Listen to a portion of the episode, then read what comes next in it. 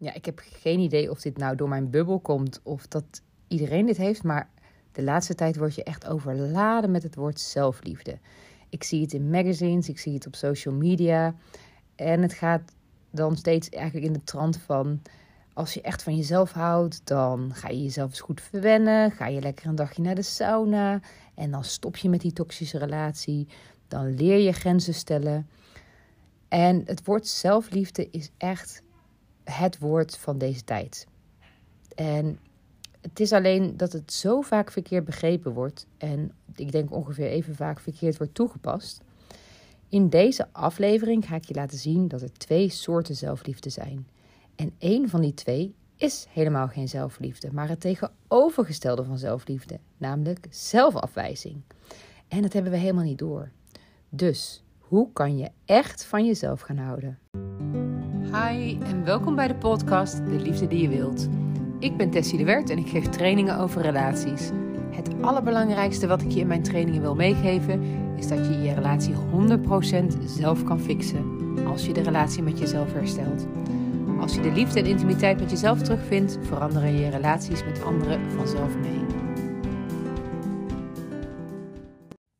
Yes, er zijn dus in mijn optiek twee soorten zelfliefde. Eén variant is de zelfliefde die je toepast in de buitenwereld. En één variant is de zelfliefde die je toepast in je binnenwereld. Dus als je het hebt over zelfliefde en je hebt het over dat je nu echt eens die grens moet gaan stellen, of dat je nu echt eens een dagje lekker moet gaan shoppen om jezelf te verwennen, dan zijn dat allemaal dingen die je in de buitenwereld voor jezelf doet. Dus je zegt tegen jezelf: ik moet meer zelfliefde toepassen en ik ga van alles regelen en aanpassen in mijn omgeving om dat te doen. Richting andere mensen, richting jezelf, maar alles in de buitenwereld. Maar vaak wil je al die dingen juist doen omdat je je eigenlijk van binnen niet goed voelt. Dus innerlijk voel je je niet goed. En je focust je meteen naar buiten om allerlei dingen te gaan veranderen. Inplannen, fixen, regelen om jezelf beter te gaan voelen. Om je innerlijk goed te voelen. Dus je voelt je eenzaam en je denkt dat het zelfliefde is om jezelf op een dagje sauna te, tra te trakteren. Of je voelt je eenzaam en je denkt dat het zelfliefde is om te eisen dat je man wat vaker thuis is.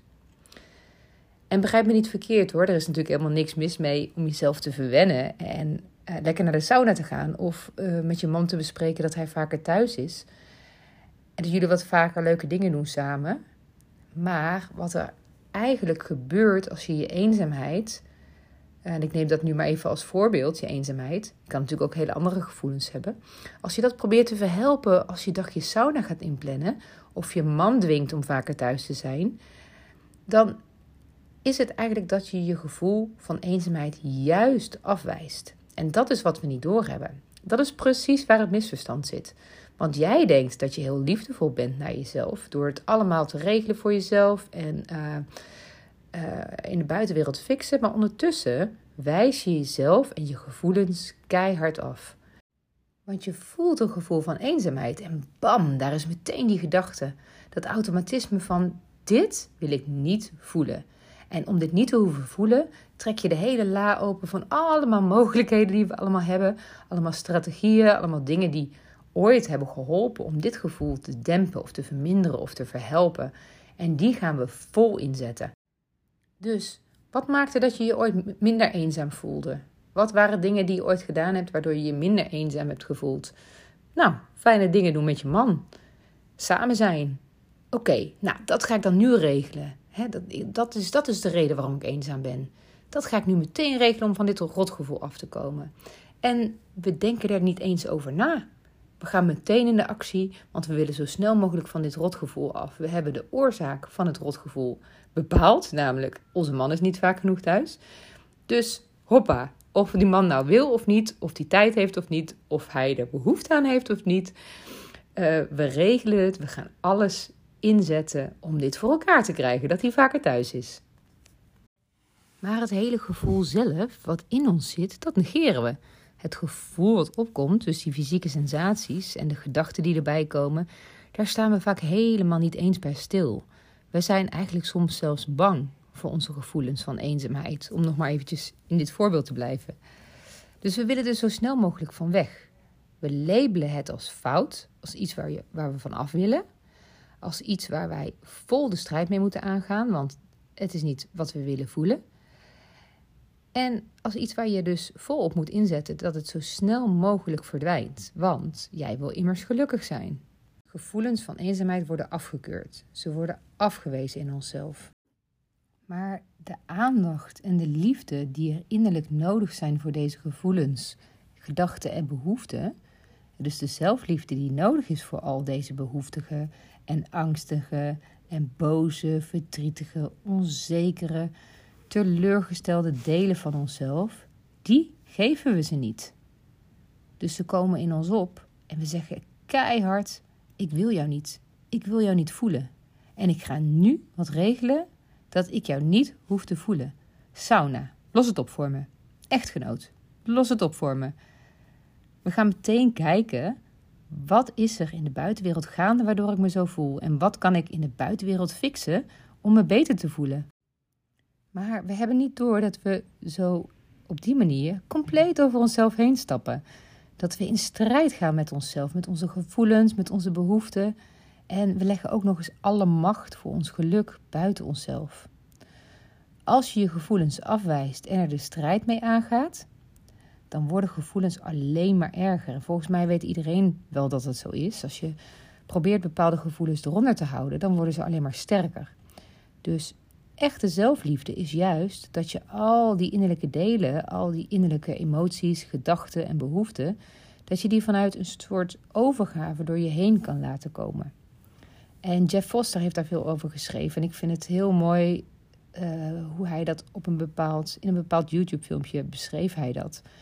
Dat hij zei, ja, eigenlijk moet je al die delen van jezelf, al die emoties die opkomen in jezelf, zien als kinderen die aan je deur kloppen. En ze kloppen aan je deur. En wat jij eigenlijk doet, wat, wat wij als mens uh, vaak doen, dat automatisme wat erin zit, is dat we de deur open doen. Zien dat daar een kindje staat wat helemaal in de stress is, of, of, of boos is, of verdrietig is, of heel eenzaam is. En dat we zeggen: Wat? Ben jij er nou alweer? Wegwezen, ophoepelen. En dat we keihard de deur dichtsmijten. En hij gebruikte dat als metafoor van: ja, zo ga je in jezelf ook om met je eigen gevoelens en je eigen behoeften. Dus er is een heel groot verschil tussen zelfliefde toepassen in de buitenwereld en zelf, zelfliefde toepassen in de binnenwereld. En als je zelfliefde meteen toe probeert te passen in de buitenwereld, dan heb je een stap overgeslagen. En is het geen zelfliefde, maar je wijst die gevoelens af. Je zegt dan, uh, wat ik net ook al zei, van nou hier sauna, los jij de gevoelens maar op, of echtgenoot, los jij ze maar op. Zelfliefde moet altijd eerst van binnen plaatsvinden. En als dat is gelukt, dan volgen daar precies de handelingen uit die kloppen in de buitenwereld. Die echt wat bijdragen in je leven. Die je sterker maken, krachtiger maken, onafhankelijker maken. Die je empoweren, die je relaties liefdevoller en intiemer maken. Werkelijk begrip opbouwen. Werkelijke zelfliefde in de buitenwereld, hè, dus de juiste grenzen stellen en de juiste uh, verwachtingen hebben, die komen altijd voort uit innerlijke zelfliefde. En misschien moet ik daar even een voorbeeld van geven. Stel, ik voel me eenzaam en ik heb bedacht: de oplossing is dat mijn man vaker thuis is. En stel, ik ga alles in het werk stellen om hem vaker thuis te laten zijn. Dus ik claim zijn tijd en ik plan in dat we vaker dingen samen gaan doen, vaker samen tijd gaan doorbrengen. Nou, dan kan dat twee effecten hebben. Namelijk dat je man dat wel wil of dat je man het niet wil. En als hij het niet wil, dan ervaart hij alles wat jij doet in die richting als druk. Dus stel dat hij zegt: Ja, lieverd, ik heb daar nu gewoon helemaal geen tijd voor. Je weet dat ik die nieuwe klus heb en ik zou die boot nog aftimmeren met Remco. Het lukt me niet om meer tijd vrij te maken, sorry. En dan ga jij misschien wel alles op alles zetten om hem toch zover te krijgen. En je gaat hem please om hem zover te krijgen. Je gaat hem proberen over te halen. Uh, door hem allemaal worsten voor te houden. Hoe leuk het zou kunnen zijn. Wat jullie dan allemaal samen zouden kunnen gaan doen. En allemaal argumenten opvoeren. Je kan het slachtoffer gaan spelen en hem gaan smeken. Heel hard gaan huilen dat je hem echt nodig hebt. Want je bent zo eenzaam. En je kan hem pushen en zijn agenda gaan controleren. En uiteindelijk zijn dat allemaal strategieën die misschien wel eventjes werken, maar die op een bepaald level hem tegen de haren instrijken. Want ook al breng je het nog zo leuk, uh, het gaat op een bepaalde manier tegenstaan. En mensen voelen zich dan erin getricked. Hij voelt zich misschien gepusht of gedwongen. En dan gaat hij tijd met je doorbrengen, eigenlijk om een bepaald gedrag van jou te ontlopen. Gedrag wat hem een slecht gevoel geeft. Wat hem bijvoorbeeld schuldig doet laten voelen over zichzelf. Of uh, dat hij zich niet, niet gepusht wil voelen of wat dan ook. Maar hij levert ondertussen wel in. Want hij levert in op waar hij eigenlijk tijd aan wilde besteden. En dan komt er dus een bepaalde frictie, er komt een klein breukje in die relatie. En hij gaat afstand nemen. Want hij zit tussen haakjes zogenaamd gezellig samen tijd door te brengen, wat voor jou gezellig is. Wat voor hem helemaal niet gezellig meer voelt, want hij voelt zich gewoon gedwongen. Oké, ik moet hier nu zitten, oké, want jij wil meer tijd met mij doorbrengen, maar eigenlijk mentaal ben ik ergens anders. En hij wordt misschien daardoor weer langzaam uh, aan nog afstandelijker en jij voelt nog meer eenzaamheid opkomen. En, hij en jij gaat dus vanuit die eenzaamheid weer harder aan hem trekken en hij gaat nog meer de afstand in. En je voelt het al helemaal. Er komt een ontzettende verwijdering. En het is de dramaspiraal. Het wordt alleen maar erger. Je spiraalt met z'n tweeën naar beneden. De een trekt aan de ander en de ander wil weg. Je zet namelijk in dit hele proces de ander in als oplossing voor jouw gevoelens. En je verliest alle begrip en respect dat die ander gewoon een eigen persoon is, met eigen behoeften en een eigen leven, met keuzes, in vrijheid. Dus wat is hier nou gebeurd? Je hebt zelfliefde proberen toe te passen in de buitenwereld, maar je bent eigenlijk de belangrijkste stap vergeten, namelijk jezelf, je eigen emoties, je eigen gevoelens rechtstreeks. Dus dat je lief bent voor je eigen eenzaamheid. Dat je je eigen eenzaamheid het gezelschap geeft wat het wilt. Je geeft het wat het wil. Gezelschap van jezelf. Jij bent niet samen met je eenzaamheid. Daarom ben je eenzaam. Maar eenzaamheid voelt zich niet meer eenzaam als het merkt dat jij er voor haar bent. En dat is de grote paradox. We zijn zo afhankelijk, denken we, van andere mensen, van situaties, van de omgeving, van de buitenwereld. En daarom, door die gedachten, proberen we die buitenwereld ook de hele tijd te controleren en te, te aan te passen en te veranderen. En dat is de ultieme reden om naar binnen te keren, om juist die U-turn te maken naar jezelf, om je gevoelens te voelen en er zelf verantwoordelijkheid voor te nemen. En om je behoeften te geven wat ze willen. want zelfliefde is gewoon niks meer dan gaan zitten op de bank, op een stoel, op de grond, waar dan ook. Of gaan staan, maakt ook mij helemaal niks uit. En te denken, wat is dit? Je af te vragen: wat voel ik precies? Wat zijn hier de fysieke sensaties? Ik voel eenzaamheid. Waar voel ik dit in mijn lichaam? Hoe voelen deze fysieke sensaties? En hoe kan ik dit helemaal laten zijn? Hoe geef ik de strijd hiermee op? En voel die neigingen opkomen om dingen te gaan fixen. En merk die gedachten op die opkomen. Van het komt hierdoor of het komt daardoor. Ik zou ook meer vrienden moeten hebben of een baan of meer collega's. En weersta die neiging om meteen in de actie te schieten. En dingen te gaan regelen. Merk die gedachten op.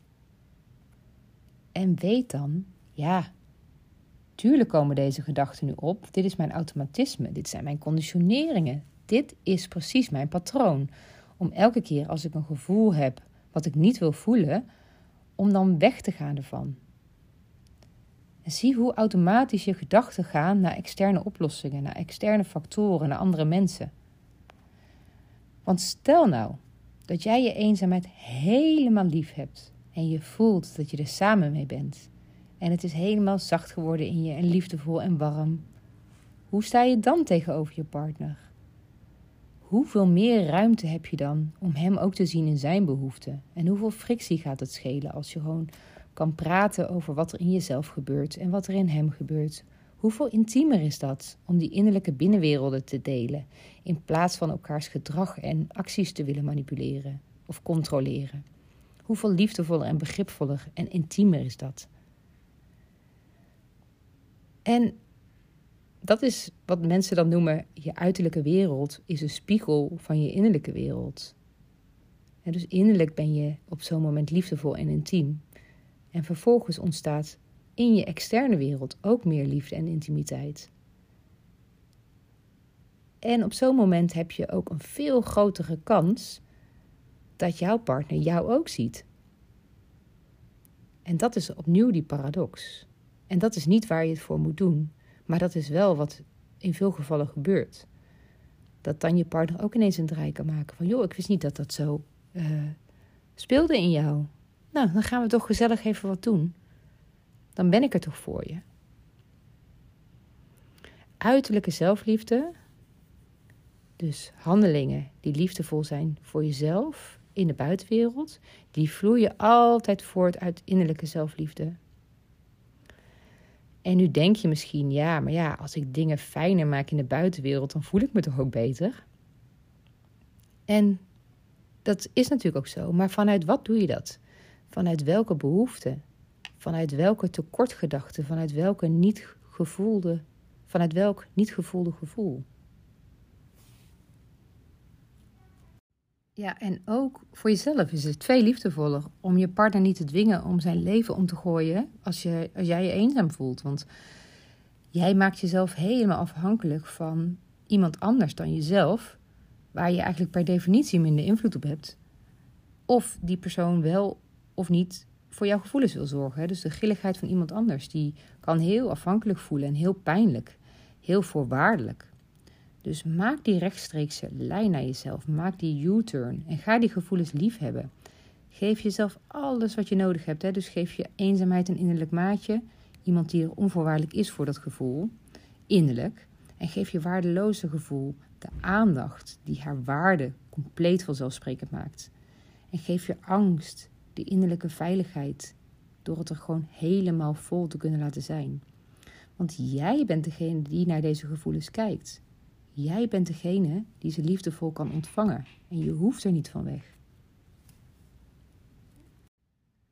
We denken vaak, oh, als ik die strijd opgeef met deze gevoelens, met dit verdriet, dan ga ik echt maanden huilen, dan stopt het niet meer.